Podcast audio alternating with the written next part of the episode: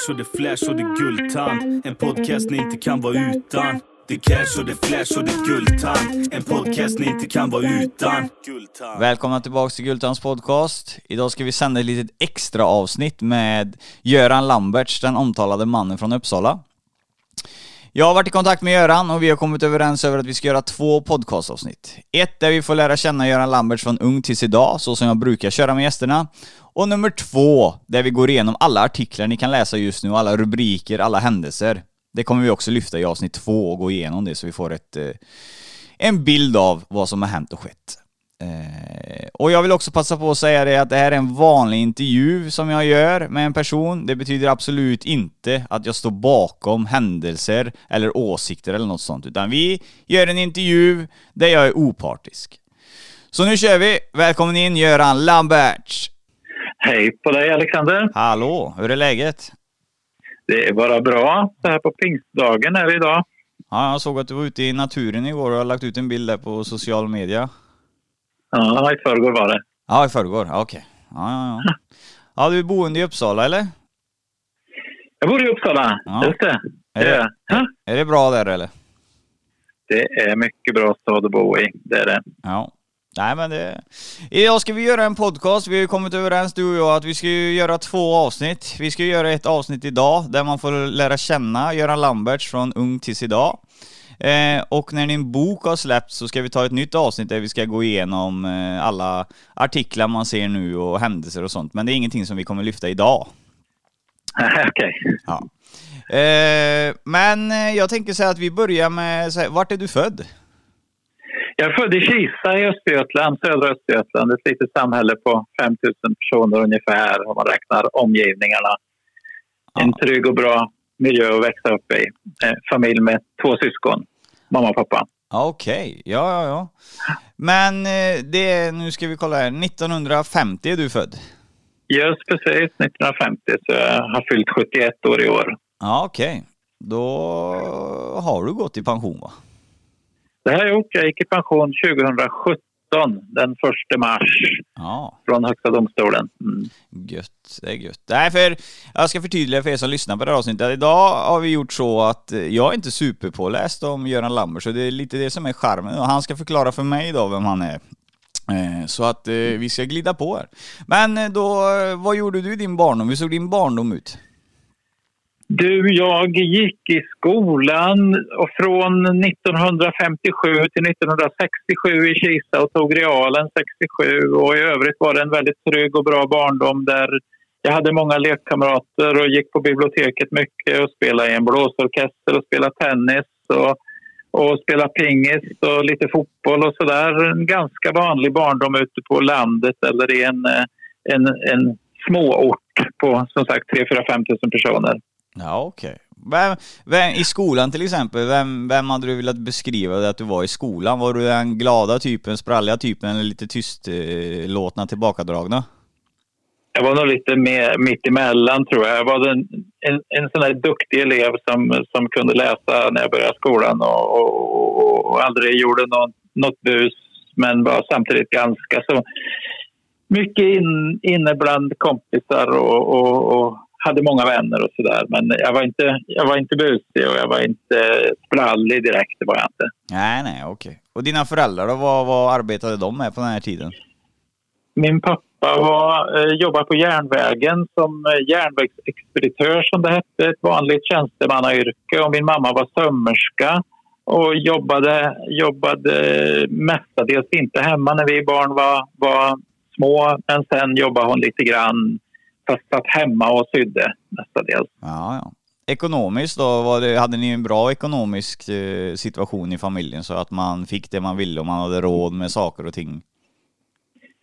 vi hade väl en ganska medelinkomst tror jag. Absolut inte så bra som, som jag har idag och mina närmaste. Utan man fick spara på, på pengarna ganska mycket. Eh, en, en lön på den tiden, början av 50-talet och hela 50-talet egentligen gav inte så stora möjligheter. Så vi var aldrig ute på restaurang och så det var man, man inte mycket på den tiden heller. Och, och sparade rätt mycket på utgifterna får man väl säga. Så att det, var, det var ett enkelt boende och ett enkelt liv. Ja spännande restaurang. Vad, vad fanns det ens för restauranger på den tiden? Fanns det ens något? Uh... Nej, det, i Kisa fanns faktiskt ingen restaurang överhuvudtaget förrän en bit in på 60-talet om jag nu minns rätt. Det fanns kaféer, ganska många, fem, sex stycken, men inga restauranger. Det var ovanligt på den tiden. Men jag tänker på det här, i, vi är på skoltiden där. Hur, hur var du som barn med? För idag har du ju haft, eh, vad man ska säga, yrken där mycket rätt och fel är involverat i din vardag. Hur var du som liten? Ja. Var du en sån som liksom, nej så får man inte göra, det kan, då kan polisen komma, eller eh, hur var du som liten? Jag var nog ganska mycket så, så får man inte göra för då kan polisen komma och rädd för att göra fel och absolut vill inte bryta mot några regler och, och löd pappa och mamma rätt så eh, nogsamt och var noga med att saker och ting hängde ihop och så där. Så att lite grann var jag nog som barn som jag är idag. Alltså. Ja. Saker och ting skulle, skulle vara ordnade och, och rätt och så där. Ja. Eh, och samtidigt var jag väl ganska snäll och hade, hade gott om kompisar. Och, och så, så att, jag var väl en ganska normal liten pojk fast ja, kanske ovanligt duktig i skolan var jag väl. Ja, ja, det, det förstår jag väl för man kommer väl inte till eh, den platsen du har varit på utan studier. Det är väl inte bara gymnasieutbildning där kan jag inte tänka mig. Men vi kommer till det. Nej, Ja, vi kommer till ja. det. Men eh, jag tänker så här, eh, festa och sådana här grejer, det gjorde man väl även på den tiden? Eh, lite pilsner och sånt här, eller var det inget sånt som fanns i intresse hos dig? Jo, det gjorde det allt, men berus, min första berusning kom när jag var 17 år minns jag, när jag, när jag bodde i Linköping och hade börjat gymnasiet. Så dessförinnan hade jag inte druckit något någon eh, alkohol att tala om. Någon, smaka någon liten öl av pappas eller något sånt där. Men ingenting före 17 års ålder egentligen att tala om. Nej, okay. De fester som var, de var alkoholfria. Ja, Spännande. Det är lite skillnad på då och nu. Ja. Men jag tänker på det, mm, grundskolan. När, eh, du går ju grundskolan upp till nian och vi, vi förstår ju att uh, du är duktig som du säger då i skolan och allt sånt här. Men vad, vad, vad väljer du för gymnasie eller vad man ska säga, yrkesutbildning efter grundskolan? På den tiden så var det inte grundskolan. Grundskolan kom just i slutet av 60-talet och, och jag gick i, i något som hette folkskolan och sen realskolan. Så jag tog realen 1967 efter tio år i skolan jämfört med nio år som i grundskolan är. Mm. Och sen började jag i naturvetenskaplig, på naturvetenskaplig linje i gymnasiet och tänkte att jag skulle hålla på med kemi och matte och sådana saker för det var det jag tyckte jag var bäst på. Men sen så fick jag ett stipendium i USA och var där i ett år och då fick jag lite mera andra vyer så att säga och började bli intresserad av samhällsfrågor och politik och så. Då bestämde jag mig för att byta från naturvetenskap till samhällskunskap istället. Och så gick jag en annan linje, samhällsvetenskapligt program skulle man väl ha kallat det idag, under de två sista åren på gymnasiet. Och, och gick vidare och läste juridik i Uppsala från, från 72 år och efter, efter att jag hade gjort lumpen. Mm -hmm. Det är, eh, men stipendium, det har jag, jag varit långt ifrån i min skolgång att få. Men vad, vad, vad behöver man göra för att få ett sånt här stipendium? Vad är, vad är det, mer än pengar? Alltså på den tiden så var det så att man fick söka till något som hette AFS, American Field Service, som finns kvar fortfarande men som är av lite annat slag nu för tiden. Då fick man eh, söka ett stipendium på ett år kostnadsfritt i USA och man fick det där om man var, om man var rätt sorts person och det var ganska hård konkurrens. Och jag, jag lyckades få det där och var därmed i USA ett år kostnadsfritt. Och det var det stipendiet bestod av, att man gick i skolan i ett år där. Mm. och inte behövde betala någonting för, för resor eller uppehälle eller, eller skolgång eller något sånt där. Så det var det det var. Så det var lite prestige i det där att att få ett sådant stipendium kan man väl säga. Och, och också en väldigt bra upplevelse.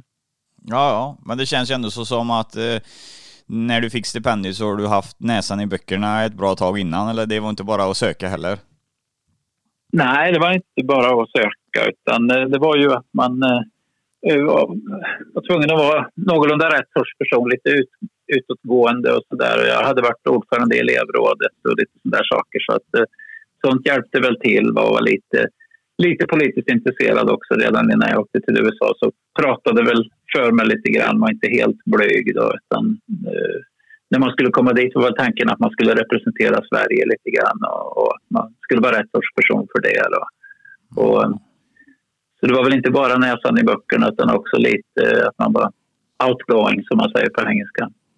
Det känns ju som att eh, lilla Kista då, vad man ska säga, fick en, eh, en grabb som får stipendium och åka över till USA. Det måste ju skrivits om det i tidningarna, eller det kan väl inte vara allt för många som gjorde det på den tiden? Eh, nej, det skrev de i tidningarna om. Kisa heter det. K-I-S-A, inte Kista som du sa. Ah, okay. Kista, ligger norr om Stockholm. Det här ligger i södra Östergötland. Ah, okay. men det, men det, var, det, var, det var, så var det. Det skrev de om i tidningen där nere. Kindaposten heter den tidningen. Ah. Så det var ju lite märkvärdigt att, att en grabb från orten åkte iväg till USA. På den tiden var det lite märkvärdigt. Nu är det inte det. Nu Nej. är det ju mer normalt. Vad, hur gammal är du när du flyttar hemifrån och får din första lägenhet och var hamnar du då? Då hamnar jag som eh, gymnasist i Linköping när jag är 17 år. Då är det ett inne, innebo, då är jag inneboende i ett rum hos en, hos en dam och sen eh, flyttar jag nästa år till en annan dam och inneboende i ett rum. Och sen är det ny lägenhet sista året i gymnasiet från 1970 till 71.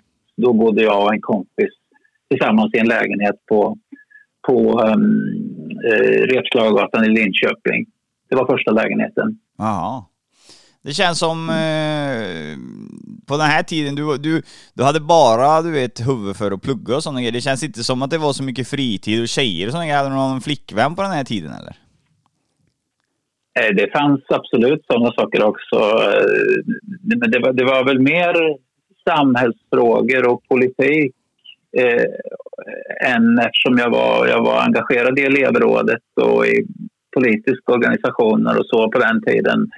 Men det var också ganska mycket festande, men inte så särskilt eh, mycket um, alkohol. Men däremot mycket fester där, där uh, tjejer ingick också. Ja, ja, ja. Det var det. Ja, jag försöker spegla tillbaka eh, bilden från min skolgång och så på din då. För vi hade ju, alltså jag är ju ja, om, om man lägger eh, lägger elever i olika fack då, så lägger man in godkända elever, VG, MVG-elever då. Eh, jag låg väl på godkänds elevskurva, men då hade vi ju MVG-elever i klassen, men eh, jag upplevde inte mm. dem lika lössläppta så som vi var kanske med att man var ute sent på kvällarna och sådana här grejer, utan de koncentrerade sig på sina studier och det ser man ju idag att yrkena skiljer oss väldigt åt idag och eh, löner. Men eh, jag tror att vissa utav dem har jag mer i bagagen så jag kan berätta för mina barn än vad de har till exempel. Så det var det jag försökte spegla mm. bara.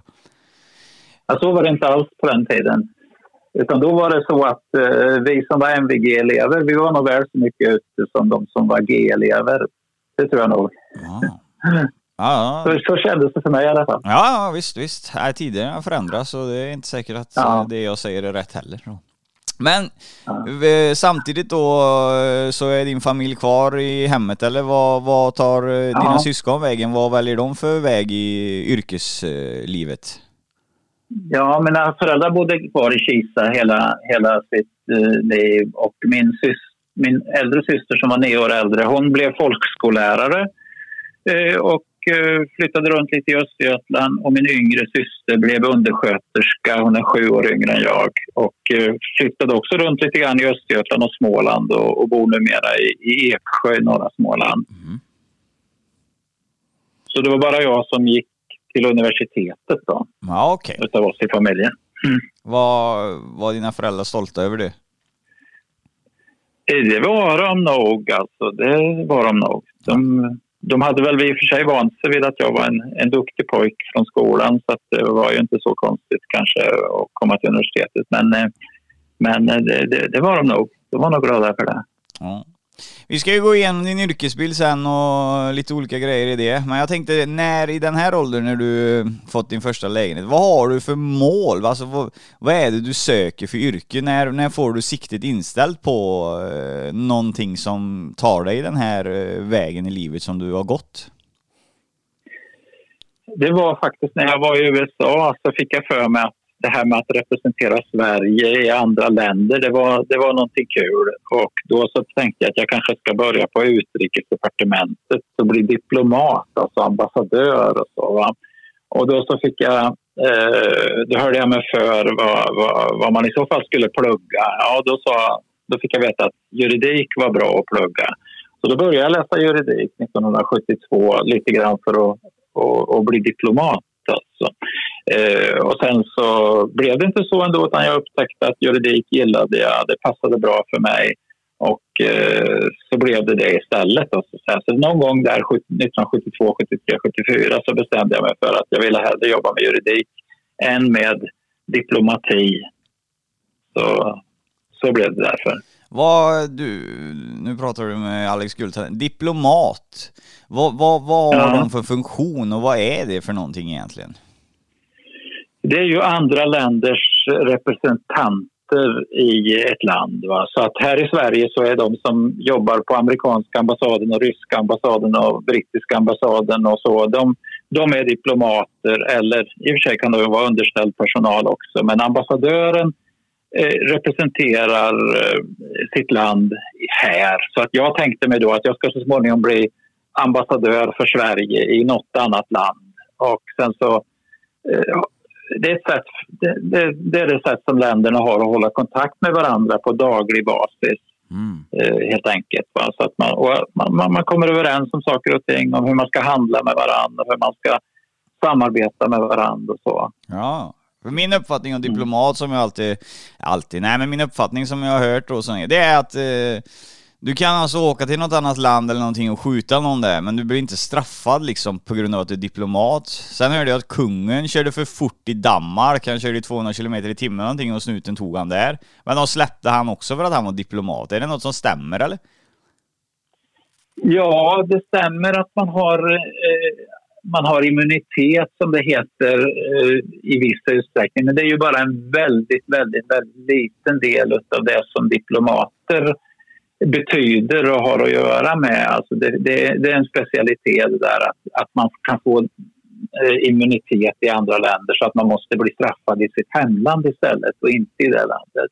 Mm. Så, är det. så är det även för statsministern. Om statsministern skulle åka till till eh, USA och köra för fort på vägen så, så blir han inte straffad där. Alltså, utan han är immun, som det heter. Ja. Men det är ju som sagt en, en, en, en, en, ja, en rätt så, i sammanhanget rätt betydelselös sak eh, när det gäller frågan vad diplomater är för någonting. Men det viktiga är ju att de står för, för eh, samarbetet länder emellan och ser till att, att uh, länderna har bra relationer med varandra och kan handla med varandra och lösa praktiska problem av olika slag. Om, om en svensk hamnar i Ryssland och, och får problem med sjukdom eller vad det kan vara så, så löser man det genom diplomatin. Ja, okay. det, det är det som är det viktiga. Ja, nej, men då har jag fått en liten inblick på det. Men i alla fall, du, du struntar i diplomati och hoppar vidare på juridik, för du, ville, du kände att du ville bli något annat där. Just det, så var det. Och juridik är ju rätt mycket eh, så att det handlar om att, ha ordning på saker och ting. Va? Att eh, veta vad som gäller och veta vad som inte gäller och inte blanda ihop sånt som är relevant med sånt som inte är relevant. Utan, eh, utan ha struktur och ordning på allting och, och kunna redovisa det på ett bra sätt det är juridik det. Mm. Och sen är det en massa regler också, men det viktiga är att, eh, att uh, hålla ordning, struktur, veta var saker och ting hör ihop och sådär. Kunna föra ett resonemang som, som hänger ihop och inte, inte prata om fel saker och sådär. Det är juridik det. Mm. Och det passade bra för mig. Men eh, innan du, du, jag antar att i din barndom och uppväxt, du har aldrig gjort något brottsligt där du är involverat, där polisen har varit involverad va? Med tanke på att då kan man inte fortsätta den här vägen som du har gått va? Jo, det kan man alltså. Så jag, jag, har, jag har ju många gånger kört för fort med bilen till exempel och även tagits för, för fortkörning två gånger. Mm. Och, eh, och jag var också eh, inblandad när, i att en kompis snodde en, en flaska med med eh, alkoholextrakt på Konsum hemma i Kisa och, och, och, visste om vad som skulle hända. Så på det sättet var jag inblandad i det, hans brott också och kände mig jättenervös när, när han blev tagen och så där. Så lite kontakt med polis och så har jag haft och det kan man ha. Man kan bli jurist ändå, även om man har haft den sortens kontakter med, med rättvisan. Ja, okej. Hur känner du då när du börjar eh, läsa det här eh, juridiska eh, kursen eller programmet? Är det, är det något som faller dig i smaken direkt eller blir det lite tvek på det hela? Ja, jag tyckte att det, det föll mig i smaken direkt. Alltså, just för det här att det passar ganska bra. Det handlar om ordning och regler och, och sådär. Jag hade alltid varit ganska bra på matte, räkning och det, på något sätt så påminner juridik om matte. Man ska lösa problem och, och följa vissa regler. Så, där. så det, det passar mig väldigt bra ända från början. Mm. Och jag hade gått på, dessförinnan hade jag gjort lumpen och lärt mig ryska. Och det märkte jag att jag inte in, jag var hygglig på ryska men jag hade absolut inte eh, så att jag skulle kunna göra ett yrke av att bli, och, och, bli tolk som, man då var i, som jag då var i lumpen. Eh, för det var jag för, för stress. Det var inte tillräckligt stresstålig för och inte tillräckligt skicklig på språket heller. Så att jag, jag märkte ju att, eh, att juridik var jag mycket, var jag mycket bättre på. Det, pass, det passade min, mitt sinnelag och att jag inte behövde stressa särskilt mycket utan kunde ta det lugnt. Så att säga. Ja. Det. Vad var det, du tar dig igenom den här juridiska utbildningen. Vad, vad, vad tar den dig? Vad, vad, vad får man av att läsa en sån här utbildning på den tiden? Ja, då, då blir man, om man vill, antingen, om man ska göra det för, lite enkelt, antingen advokat eller domare eller åklagare eller någon annan sorts jurist. Eh, och jag valde att bli domare kan man säga. Mm. Så att jag eh, ble, blev notarie då som det kallas i en tingsrätt här i Uppsala. Och sen fortsatte jag i Svea hovrätt som är en överdomstol i Stockholm. Och eh, jobbade på justitiedepartementet med lagstiftning i många år. Och det är en karriär som man har. Om man jobbar med, på justitiedepartementet så är, det, så är det eh, lätt att man får väldigt fina domarjobb efter det. För det är hög status att jobba i justitiedepartementet. Åtminstone var det det på den tiden, på 80 och 90-talen då jag var där. Mm. Men vad, eh, det här första då du fick, vad, vad, vad är dina, eh, för en som inte kan så mycket om det, vad är dina första arbetsuppgifter? Vad är det du får göra eh, när du stoppar in foten där efter en utbildning? Får du döma liksom ja. brottslingar då direkt bara eller? Inte riktigt direkt, utan det, det börjar med att man är notarie i två år. Då var det två och ett halvt år, nu är det två år. Det, och det betyder att då får man sitta och, och hålla ordning på papper papperna i målen. Va? Man hjälper en domare att eh, döma i ett mål. Så om, om, om du åtalas för stöld så kommer det in ett papper till, till den här domaren och då får jag ta hand om det och planera hur vi ska sköta det här målet. Och till slut så blir det en förhandling där du sitter på den ena sidan och åklagaren på den andra sidan. Och eh, domaren sitter i mitten där framme och jag sitter bredvid domaren och för protokollet. Och jag hjälper domaren med alla möjliga saker som har med det här målet att göra, praktiska saker. Det gör man som notarie. Och sen så småningom så får man mer ansvar och får själv döma i en del enkla mål också. Vad är de, mm. vad är de första målen? Kommer du ihåg det första målet du fick, eh, som du fick döma och bestämma hans straff? Eller hen då, hon eller han? Eh, jag, jag, jag kommer inte ihåg det första målet men jag, jag vet ju att det var ganska mycket trafikmål sådana som handlar om eh, att någon hade kört för fort eller någon hade kört mot rött ljus eller, eh, eller någon hade varit vårdslös i trafiken. Det var ofta i och för sig för svåra mål för en notarie att ta vårdslöshet i trafik. Det kan vara ganska krångligt. Mm. Men det var enkla mål som oftast löser sig genom att man erkänner och då blir det ingen förhandling i domstolen. Men här var det då folk som inte ville erkänna och då blev det förhandling i domstolen och då kunde man vara ordförande som notarie.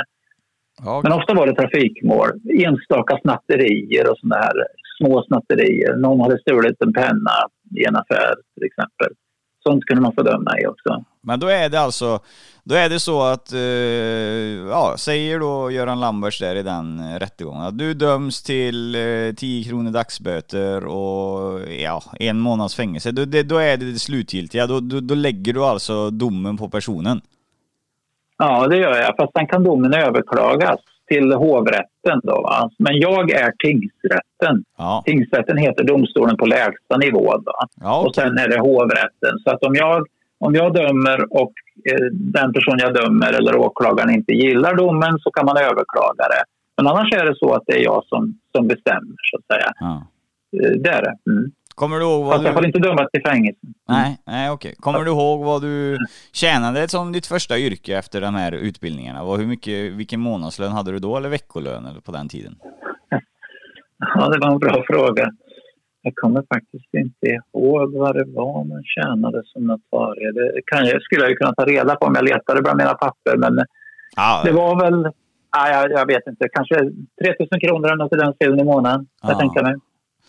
Får man fråga en liten fräck fråga? Nu när du har varit på de högsta nivåerna dit du kan komma, eh, vad, vad, kunde man, vad kan man ha för månadslön som så är högst utbildad i de högsta eh, yrkesrollerna i det här?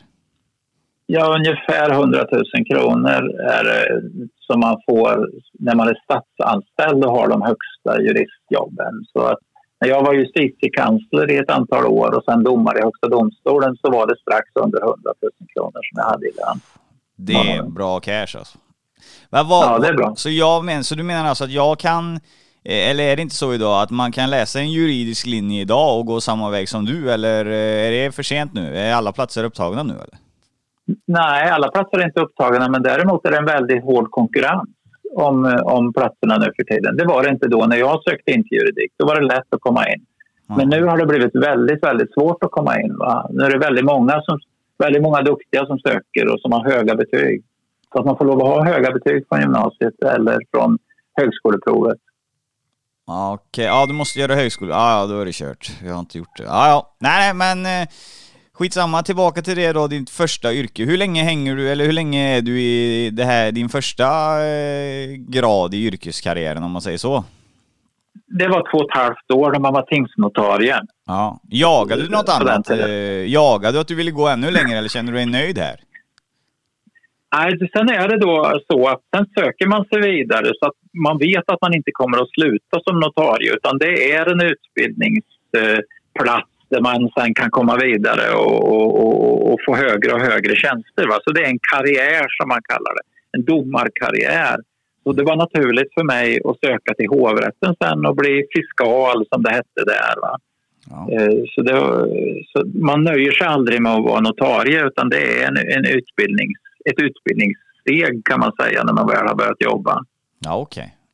Men jag tänker på den här tiden då när du börjat tjäna lite pengar och du sa, hur funkar det på den här tiden? Eh, Skickade du hem lite pengar till din familj hemma då när du hade blivit, eh, ja vad man ska säga, du hade ju tagit dig rätt högt i utbildningskurvan. Började du hjälpa din familj hemma då eller som vissa gör idag? Jag, Nej, det, nej, det gjorde jag inte. Nej. Det gjorde jag inte utan eh, min, min, mina föräldrar klarade sig själva i Kista och jag hade nog med att klara mig och min familj. Jag hade gift mig och fått barn från 1973 och eh, hade fullt upp med att, att klara familjens ekonomi då från, från det att vi fick barn. ja, Så det, vi behövde alla våra pengar själva. ja, spännande. Var, var träffar du den här kvinnan då? Eller vad, hur kommer du i kontakt med henne? Min fru träffade jag 1972 när jag gjorde lumpen på tolkskolan i Uppsala och hon pluggade i Uppsala på gymnasiet. Så vi var, jag var 22 år och hon var 20 år gammal och sen fick vi barn när, när jag var 23 år och hon var 21 år och, och sen fick vi två barn till sen så småningom. Jaha, ja, ja, ja. Och de har varit med dig vid din sida vid den här karriären då som i... Ja, det har de varit. Ja, Det har de spännande. varit.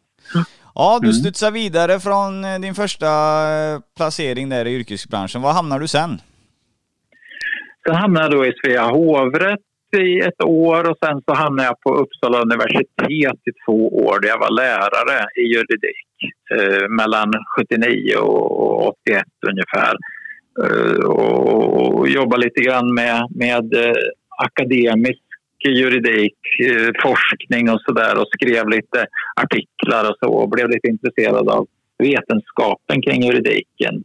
Men lämnade det ganska snabbt och blev utredningssekreterare i justitiedepartementet 81 Mm. och framåt. Men vad, eh, jag, Svea hovrätt säger du, det har jag ju hört på, eh, Mm. ja det är ju lite pinsamt, det, det har jag ju hört på i media och här grejer. Men vad är det ju som är specifikt med Svea hovrätt och varför inte Vänersborgs eh, tingsrätt samma sak? Vad är skillnaden här? skillnaden är då att det finns tingsrätter i landet, ungefär 100 eller knappt 100 tingsrätter. Det är på lägsta nivån det. Eh, Det är, de, det är de som dömer först. Hovrätter finns det sex stycken och Svea hovrätt är en av dem, den största i och för sig och den ligger i Stockholm. Så bor man i Uppsala så var det naturligt att söka sig just till Svea hovrätt. Va? Uppsala tingsrätt hör till Svea hovrätts område. Och, och, och, och Stockholm ligger bara 6,5 mil från Uppsala så det var naturligt att söka sig dit. Annars finns det hovrätter i, i, utspridda i resten av landet också, alltså sex stycken. Ja. Men eh, det var naturligt för mig att söka mig dit. I Svea hovrätt, vad var din eh, uppgift där? Där var det ungefär som att vara notarie, alltså man, man stöttar domarna och hjälper dem med praktiska saker. Men där föredrar man också mål. Va? Föredrar betyder att man berättar om målen för domarna och så får de besluta utifrån den berättelse man har gett. Man ger dem lite papper och sen ställer man sig upp eller sitter ner och föredrar målet, berättar om målet. Det var ganska mycket eh, just, eller det var i huvudsak det man gjorde. Man skötte om målen, hade hand om papperna och så föredrog man målen in, så att de blev avgjorda så att de kunde, domarna kunde besluta i dem. Ja. Så det höll jag på med ett år. Vad Kommer du ihåg någon eh, känd buse på den tiden som eh, du, du... När hade du din första kända buse som man har läst om i media typ, som du har döm, varit med och dömt? Ja, kända i medierna vet jag inte om jag har varit med och om jag var med och dömde på den tiden. Det fanns kända busar runt omkring men just nu kan jag inte komma ihåg att jag har varit med och dömt någon. Nej, Det kan jag faktiskt inte. Inte, inte någon som är tillräckligt känd i alla fall så, att, nej, nej. så att det ska komma ut.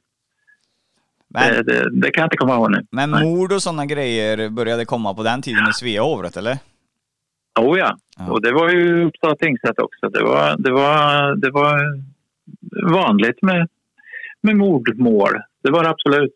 Ja. Det, jag hade eh, till, till exempel ett mål i, i Uppsala tingsrätt där jag var notarie och min, min rådman Einar Malmberg skulle döma och, i ett mål där en kille hade huggit ihjäl sin, sin, sin, sin eh, sambo hemma i köket en dag när de blev osams inför deras grabbs ögon och hon dog där och, och han var åtalad. Och, men han är, ja, jag minns ju hans namn men jag vill inte berätta hans namn. Nej, men det, var ett, drama, det var ett dramatiskt mål och som, den sortens händelser alltså att eh, eh, människor blir dödade genom mord eller dråp eller vad det nu kallades. Det var ganska vanligt i domstolarna. Mm.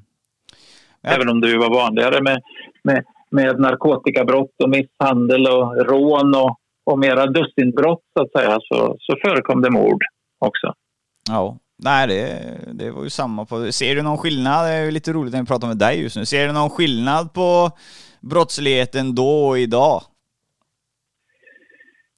Alltså det är ju en rätt stor skillnad på så sätt att vi har eh, rätt mycket mer brottslighet i, i förorterna till, stads, till de stora städerna idag än vi hade då. Det, det, det är allvarligare brottslighet, allvarligare organiserad brottslighet och gängbrottslighet och, och, och utpressning och den sortens brott som är, som är av en maffialiknande karaktär nästan. Så att det, det är en st- ganska stor skillnad eh, på det sättet. Alltså att det har smugit sig in mycket organiserad brottslighet som, som inte fanns då. Vad tror, du, vad tror du det har med att göra? Tror du det har med att göra att vi har en stor invandring eller tror du det har att göra med att eh, samhället helt enkelt blir tuffare? Eller vad, vad kan det bero på?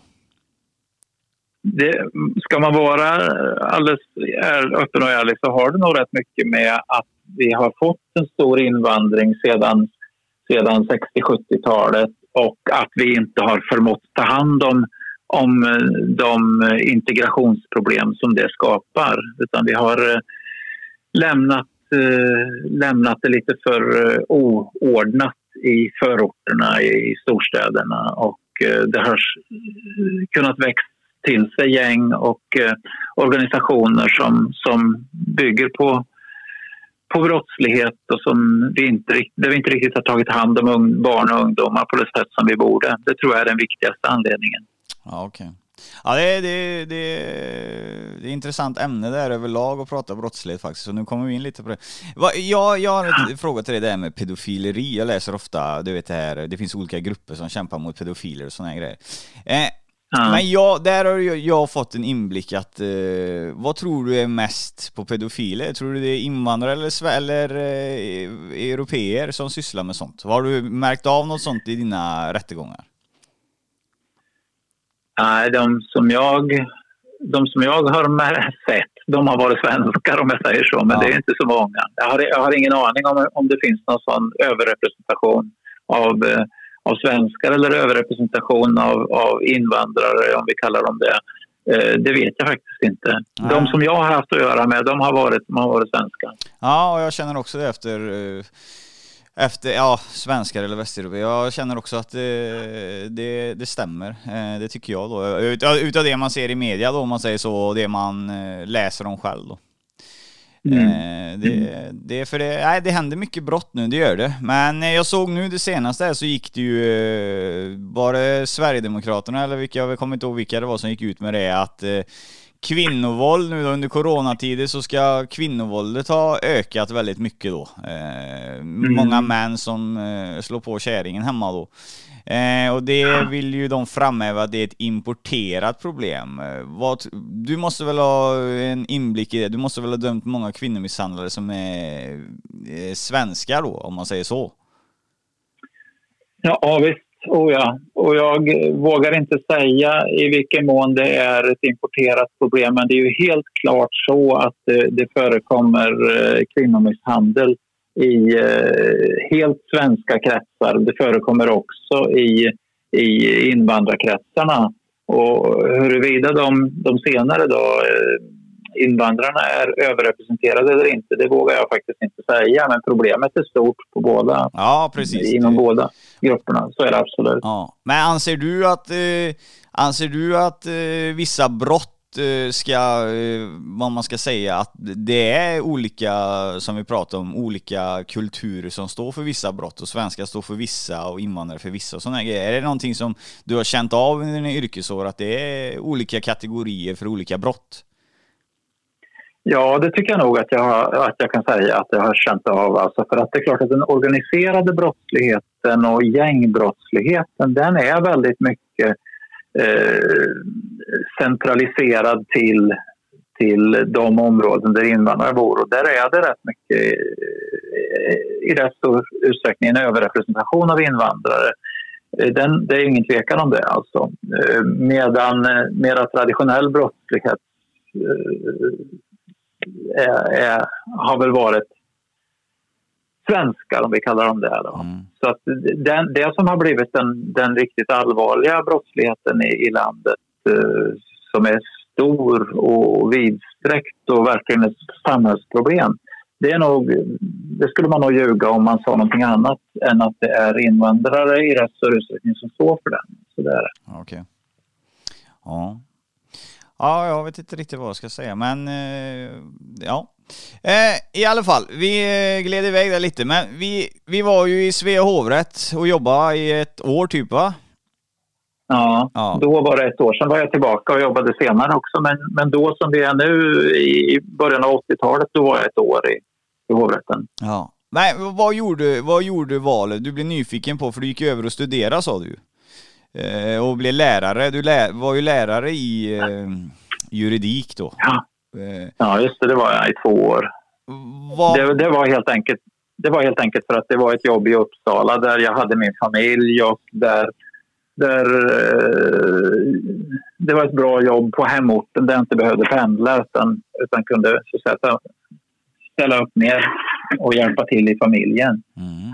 Så det var nog huvudsakligen det, men det var också roligt att vara lärare. Ja, okay. Jag tror det var lärare i, i ett par år. Va? Och där hade jag folk som jag kände och folk som jag uppskattade och det var därför som jag valde det. Jag fick frågan helt enkelt om jag ville, ville bli lektor på universitetet där i, i Uppsala och då, det tog jag. Det passade bra.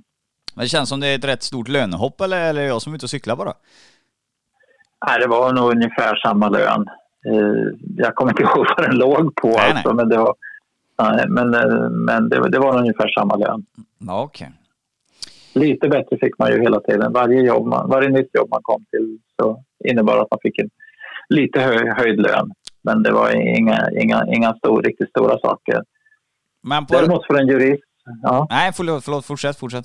Nej, däremot för en jurist så kunde det vara så att, eh, att man kunde få jobb som har koppling till eh, den ekonomiska världen, affärsvärlden. Va? Det, och det betydde mycket ekonomiskt för mig när jag fick ett, ett jobb någon gång där i början av 80-talet som, som sekreterare i en skilje, ett skiljeförfarande eh, som hade då med affärsmässiga, en affärsmässig bakgrund. För där är villkoren helt annorlunda. De som är advokater i affärsvärlden de tjänar mycket, mycket mer än vad, än vad vi eh, som jobbar för staten gör. Va? Och när jag kom in i den världen lite grann då fick jag plötsligt ett arvode på 60 000 kronor minns jag som gjorde att min familjs eh, ekonomiska situation blev helt, helt, helt annorlunda. Vi hade alltid levt ur hand i mun, som man säger, inte kunnat spara någonting. Men plötsligt hade vi 60 000 kronor som på den tiden, början av 80-talet, var jätte, jättemycket pengar och plötsligt hade vi ett ganska stort sparkapital så vi kunde börja fundera över att köpa hus och sådär. Det, så det, det hade väldigt stor betydelse att man kunde göra någonting vid sidan om, ett extra knäck så att säga. Ja, okej. Men vad, jag tänker på det här med din roll då som Göran Lambert. Så googlar man på dig, man får upp eh, jättemycket grejer eh, och sånt här. När började du bli typ lite känd i den juridiska världen om man säger så? För jag ser har du, du, har, du har hängt med alla de här och sprungit in i de här GW Persson och Jan Guillou, eller vad är Jan Guillou och de här eller? Det, ni, ni är lite, är ni skolade i samma kull eller där uppe? Eh, alltså de är ju, eh, Leif GW och Jan Guillou, ingen av dem är ju jurist. Va? Utan de är, lite, eh, de är amatörer inom den juridiska världen men, men håller ändå på med, med juridiska frågor rätt så mycket och kan ju ingenting egentligen att tala om någon av dem när det gäller juridik. Utan de, men de har ändå ganska mycket synpunkter och så. Och är bra på många sätt och skriver ju böcker väldigt bra båda två. Och är enormt kunniga på många områden. Men inte just juridik, det kan de ingenting om. Nej, okej. Och, nej, men eh, men eh, på din fråga, Eh, när började jag bli lite känd? Det blev jag inte förrän eh, 2001 egentligen, när jag blev justitiekansler. Så det var ganska sent. Jag jobbade på justitiedepartementet i, i, eh, i eh, sammanlagt 17 år och och var helt okänd. Men när jag blev justitiekansler sen 2001, då, då hände det en massa saker som gjorde att jag blev känd. Alltså. Ja, dit kommer vi. Då tar vi de här 17 åren som justitieråd, eller vad sa Justitiedepartementet? Justitiedepartementet, ja. Vad är det för något? Eh, Ja, det är ju då en del av regeringens kansli. Va? Regeringen styr ju landet Eh, och eh, regeringen har ett kansli på, jag vet inte hur många det kan vara, då var det 3 000 personer som jobbade åt regeringen, nu är det kanske 5 000. Och justitiedepartementet är ett av de cirka 15 departementen som finns som håller på med juridiska frågor. Och då jobbade vi med med lagstiftningsärenden, nya lagar men också att hjälpa justitieministern på alla möjliga sätt i, politiskt. Med tal, skrivning och, och med frågor i riksdagen och allt möjligt sånt. Så där jobbade jag först som utredningssekreterare då, som jag nämnde tidigare i fem år och sen i, eh, inne i själva departementet med, med, med olika lagstiftningsärenden och jag blev så småningom rättschef, alltså juridisk chef kan man säga.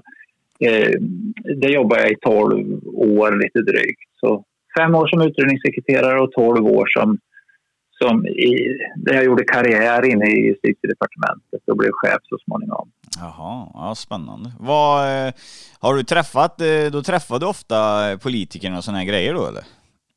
Ja, det gjorde man ju då. När man jobbade i regeringen, åt regeringen så träffade man politiker ganska ofta.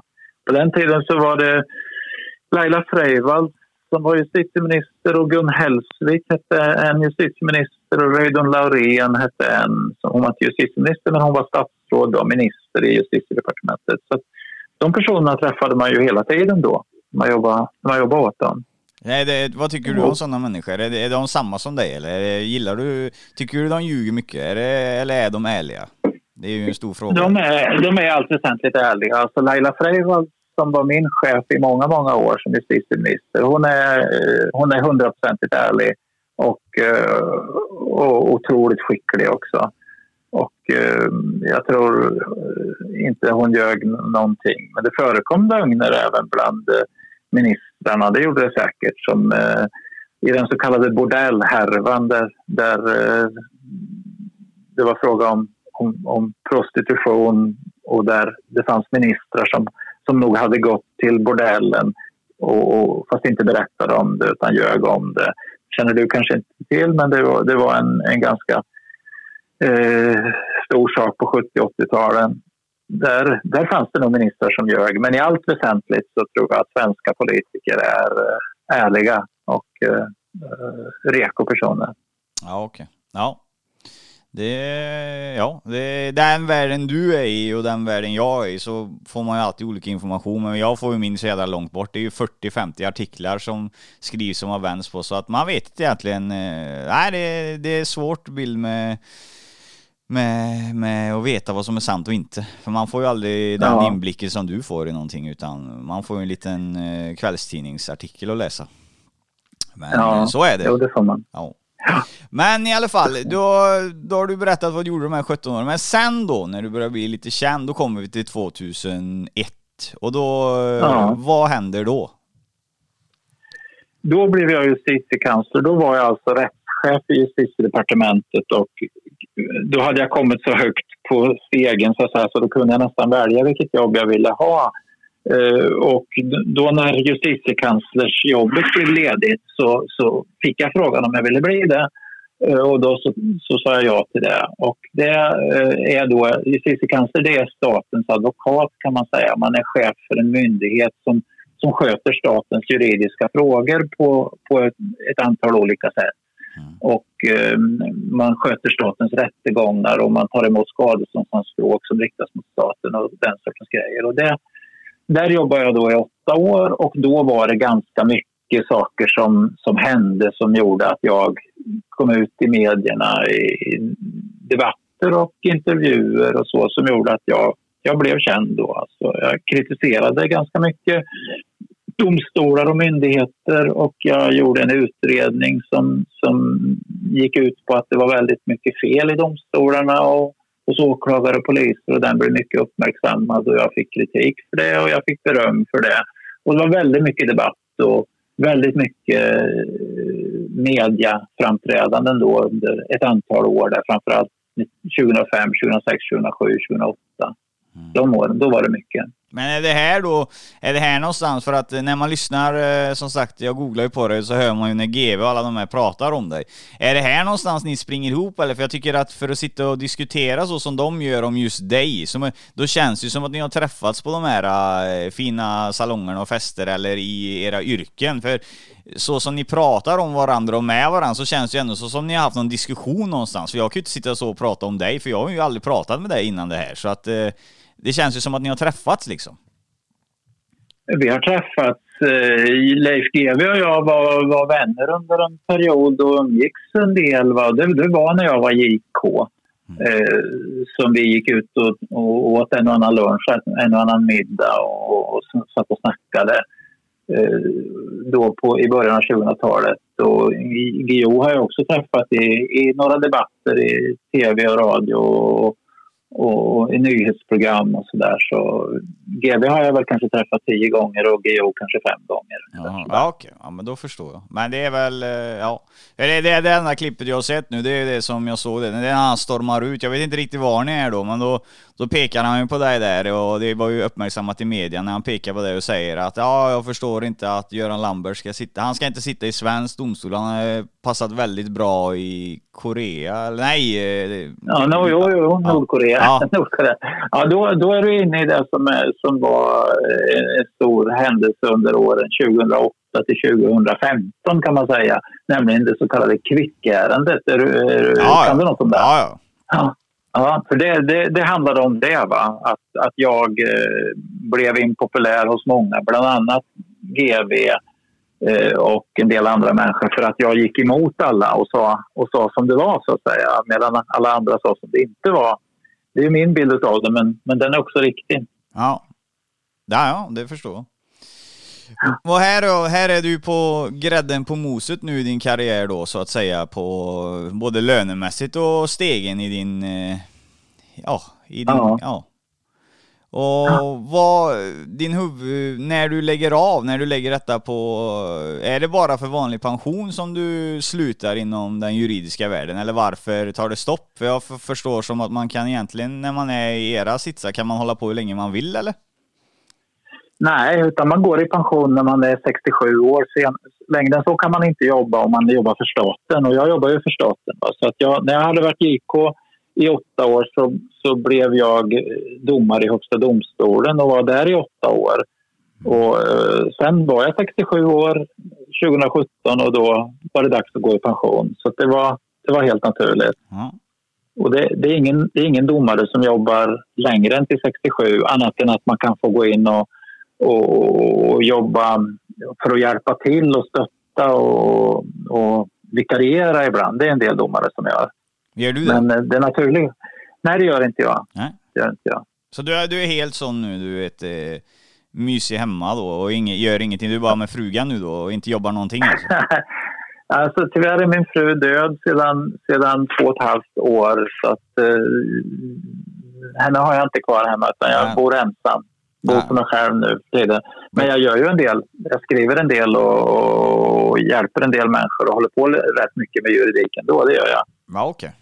Är det fortfarande lika roligt? Det är det. Det är fortfarande lika roligt. Juridik är, väldigt bra att kunna och väldigt kul att kunna faktiskt. Så eh, det, det, är absolut så att det är sånt man inte släpper om man, om man är någorlunda bra på det. Mm. En fråga som jag ställer mig som jag är nyfiken på att fråga dig. Eh, det sägs alltid att eh, advokater och så är högt uppsatta inom juridik festar och hänger med kriminella. Är det någonting som du eh, har fått någon uppfattning av att, att det kan vara så? Alltså det, det, har ju varit så på senare år, det förekom väl tidigare också, men det har blivit mer snack om det på senare år att, att um, det finns ett problem med advokater som som i allt för stor utsträckning eh, umgås med, med de kriminella och, och, ställer upp för dem på ett sätt som inte är riktigt bra. Jag har ingen egen erfarenhet av det utan har bara läst eh, i tidningarna och hört på radio och tv och läst beslut från Advokatsamfundets disciplinnämnd där sånt förekommer. Och det är eh, i viss mån ett problem, det tror jag nog man kan säga. Så det är viktigt för advokater att att hålla, hålla en rågång mot de kriminella och inte ställa upp på vad som helst. Och att inte, att inte göra saker som är otillåtna. Och det finns en del advokater som har gjort det på senare tid. Och för, det förekom även tidigare men det har blivit vanligare på senare tid att de har gjort det. Ja. Så hur, eh, hur ser en vardag ut hos eh, Göran Lamberts idag? Idag så är nog vardagen rätt mycket att jag sitter vid datorn och skriver olika saker. Det gör jag nog halva, halva dagen. Säg att jag är, säg att jag är vaken 18 timmar så, så sitter jag nog eh, 8-9 av dem vid, vid eh, datorn och, och, skriver olika saker. Ja, vad är, vad är det du, jobbar du på någonting eller vad är det du skriver om? Alltså jag skriver eh, både artiklar och, och böcker och andra texter Eh, som eh, har, ibland har med juridik att göra, ibland inte har med juridik att göra. Mm. Det här med kvick, kvickärendet är fortfarande någonting som hänger kvar eh, och eh, fordrar att man skriver en del om lite då och då för att lägga saker och ting till rätta. Och så skriver jag söndagsbetraktelser varje, varje söndag eh, och det tar ett par timmar varje, varje helg att göra och sätta ihop en sån. Mm. Eh, så jag, jag sitter vid datorn och skriver och, och tänker och funderar. Läsa, tänka, skriva. Det, det gör jag wow. halva min tid tror jag. Ja, ja. Jag skrev upp lite så här cliff notes-frågor, alltså som... Nu skiljer det väldigt mycket på dig och mig i ålder. Eh, så att ja. jag tycker de här frågorna ska bli lite roliga att ställa ändå. Eh, jag tänkte ja. på det på... När du tjänade så mycket pengar och sådana här grejer, eh, köpte, för du känns inte som den här flashiga typen typ, men du köpte aldrig några så här flashiga Lamborghinis eller guldkedjor eller Rolex-klockor och sådana grejer? Nej, det har jag aldrig gjort. Det har jag gjort. Sen, sen hade nog i och för sig mina pengar inte riktigt räckt till det heller. Jag har inte tjänat så enormt mycket pengar utan det mesta har gått åt till, till hus och hem och familj och semestrar och resor och så. Men jag har ju, jag har ju på det sättet levt väl. Att jag har kunnat eh, bo i ett hyggligt fint hus i Uppsala och, och, och också gjort ganska mycket trevliga resor och sådär. Så att jag har ju levt ganska bra, men inte Lamborghini-nivån, absolut inte. Ah, okay. och jag, jag, jag, jag, avstår från all lyx kan jag säga. Jag tycker att lyx är fel. Ah, okay. Så att det, lyx ägnar jag mig inte åt. Får man fråga varför du tycker lyx är fel? Jag tycker att eh, världens resurser behövs för de som har det, har det svårt och fattigt. Och man bör dela med sig hellre än att leva i lyx. Ja. Sen så kan jag väl säga att jag, jag eh, lever ju ändå i lyx så tillvida att jag gör resor som, som, där, som kanske kostar 50 000 kronor och som, där pengarna skulle ha behövts bättre hos någon annan. Så det är en kompromiss där man lever både för sin egen skull och för andras skull. Men jag tycker att Lamborghini skulle jag inte kunna tänka mig. Alltså det, och, och en, en, en Rolex-klocka skulle jag inte kunna tänka mig heller. Jag tycker att det, det får vara för andra. Jag tycker att lyx eh, är, är eh, oftast omoraliskt. Oh. Nej, jag har inga vidare frågor på det utan jag går på nästa. Eh, störst, nu vet jag inte om vi var nära, det kanske vi var, men jag tar den ändå. Eh, största busen du har haft att göra med din karriär? ja, det är nog Dan Josefsson. Ja, okej. Okay. Och vem är det? Han har skrivit, Dan Josefsson han har skrivit, han har skrivit en bok om, eh, om eh, Thomas Quick och han har gjort en, eh, ett, eh, en programserie om, de, om Kev, Kevin-händelsen. En, en kille som heter Kevin på fem år som, som dog. Eh, och frågan var vem som, hade, vem som gjorde sig skyldig till det här mordet. Eller det var nog inget mord, utan det var väl bara eh, att han, han råkade dödas, så att säga. Och Dan Josefsson har, har eh, skurk på det sättet att han har eh, lurat och bedragit människor och eh, försöker inte ställa saker och ting till rätta. han, är, han är en riktig han är en riktigt dålig person. Så att han är en skurk i den meningen alltså. Ja okej, okay. ja då förstår jag. Han är inte, han är inte kriminellt eller straffad i rätten ah, utan det är en personlig nej, åsikt. Just det, just, det, just det. Men när du ställer frågan till Björn så vill jag gärna, väldigt gärna nämna honom eftersom han är, han är den värsta jag vet. Ja okej, okay. nej men det var, ju, det var ju svaret på frågan. Ja. ja. Nej, och då kommer det till det nästa. Eh, det största hatet du har varit med om i din karriär. Mot dig Hatet? alltså? Ja. Alltså det är ju det som, som vi inte kommer in på nu idag utan som handlar om eh, det som har hänt på senare tid för mig. Va? Och det, det pratar vi om nästa gång då istället. Tidigare, tidigare så var det när jag... Eh, ett par gånger har jag varit utsatt för hat. Första gången var när jag som justitiekansler inte, inte eh, ville begära avsked för en domare i Högsta domstolen som hade köpt sex. han hade köpt Eh, eh, sex, homosexuell sex. Och det var brottsligt och han betalade för det. Men sen var frågan om han skulle bli avskedad från sitt jobb som domare i Högsta domstolen. Och det ville alla. Eh, men jag som JK sa att det här är inte tillräckligt allvarligt för att han ska bli avskedad från sitt domarjobb. Och då var det väldigt mycket hat alltså, mot mig för att jag valde den vägen. Och sen andra gången så, så har det varit kvickärendet. Där har väldigt många personer eh, och, hatat mig för att jag har, har sagt som det är, så att säga. Och eh, det har varit, det har varit enormt mycket hat. Ja, där kommer ju, där, här åker du på en motfråga tyvärr, för det kommer ju mina lyssnare undra varför jag inte frågade. Vad är det som ja. du har sagt som är sant, som du fick så mycket hat ifrån? Jag måste fråga den frågan. Jag, eh, jag har ju sagt att, att Kvick eh, har blivit korrekt dömd. Det, det som kom fram från 2008 åren framåt var att han att han eh, erkände inte längre de mord som han hade blivit dömd för. Va? Han dömdes för ett antal mord i slutet av 90-talet, början av 2000-talet. Och sen sa han 2008 att jag, jag begick inte de här morden, Ja. utan jag ljög om det här. Och då så sa alla oj, oj, oj, vilken skandal att han kunde bli dömd för, för åtta mord fast han inte hade begått dem. Och då, så, och då sa man att oj, oj, oj, vad förfärligt det här var. Sveriges största rättsskandal, alla kategorier. Alla utom jag och några till i och för sig. Men jag var den som, som, som sa högst och mest uppmärksammat att det var inte alls någon rättsskandal utan han blev alldeles korrekt dömd. Han har visserligen tagit tillbaka sina erkännanden nu men det fanns bevisning mot honom. Det var helt rätt att döma honom för de här morden. Mm. Eh, de här åtta morden som han dömdes för, det var helt rätt. Ja, Och då var det... Då, vad sa du? Ja, det har jag läst om faktiskt, så det här hänger jag med lite Ja. när du pratar.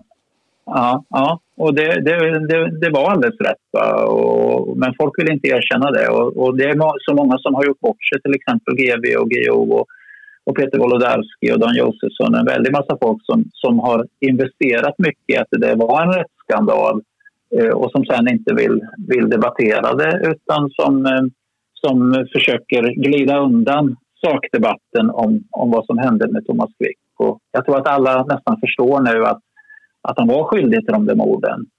Eh, men man vill inte debattera det för det är så mycket prestigeförlust i att gå in i en debatt om det. Och då ogillar man, då ogillar man mig istället. Det är så att, att har man rätt så, så blir man då blir man starkt ogillad av de som hade fel. Ja.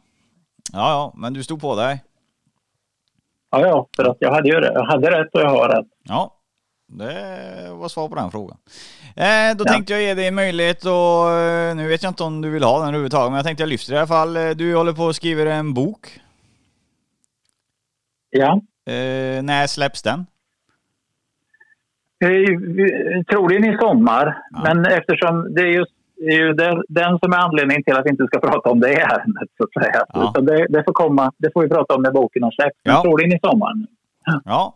ja, jag ska förtydliga för er som lyssnar på detta att vi har, jag har pratat med Göran innan den här eh, intervjun och då är vi överens om att vi, idag gör vi ett avsnitt för att lära känna Göran Lamberts och sen tar vi ett avsnitt till här när han har släppt sin bok och då ska vi gå igenom artiklarna som vi inte ens har lyft idag utan det tar vi då när boken är släppt. Så det är det vi har kommit Mm. överens om. Därför har vi inte lyft det så ni inte tror att jag inte är med på det utan det är en överenskommelse som vi har och den accepterar jag och eh, vi kommer, det kommer komma ett avsnitt till med Göran Lamberts och då kan man kalla det för artikelavsnittet eller vad ni vill. Då, då kör vi igenom allting som ni har läst om i media.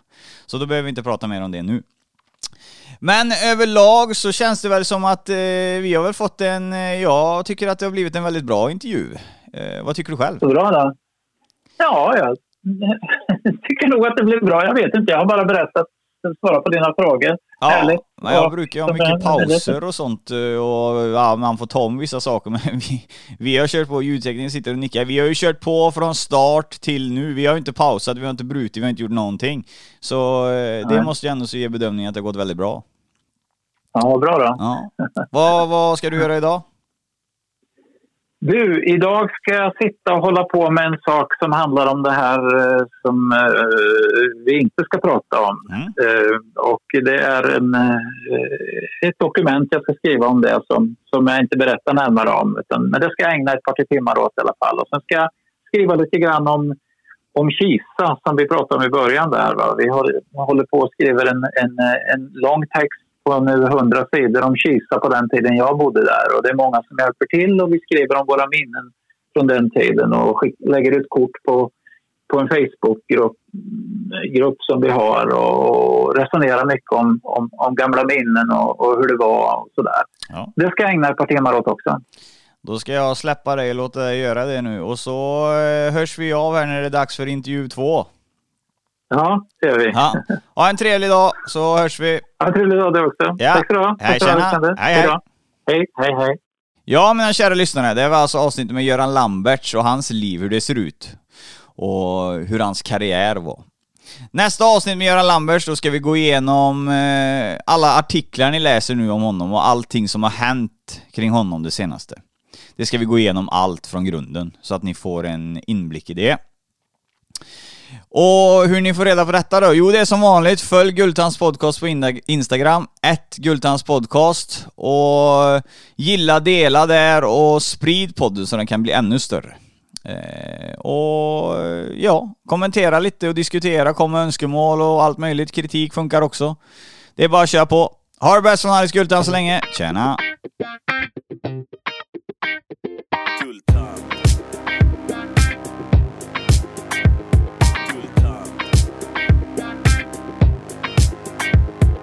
Cash och det flash och det guldtand. En podcast ni inte kan vara utan. Det cash och det flash och det guldtand. En podcast ni inte kan vara utan. Guldtand.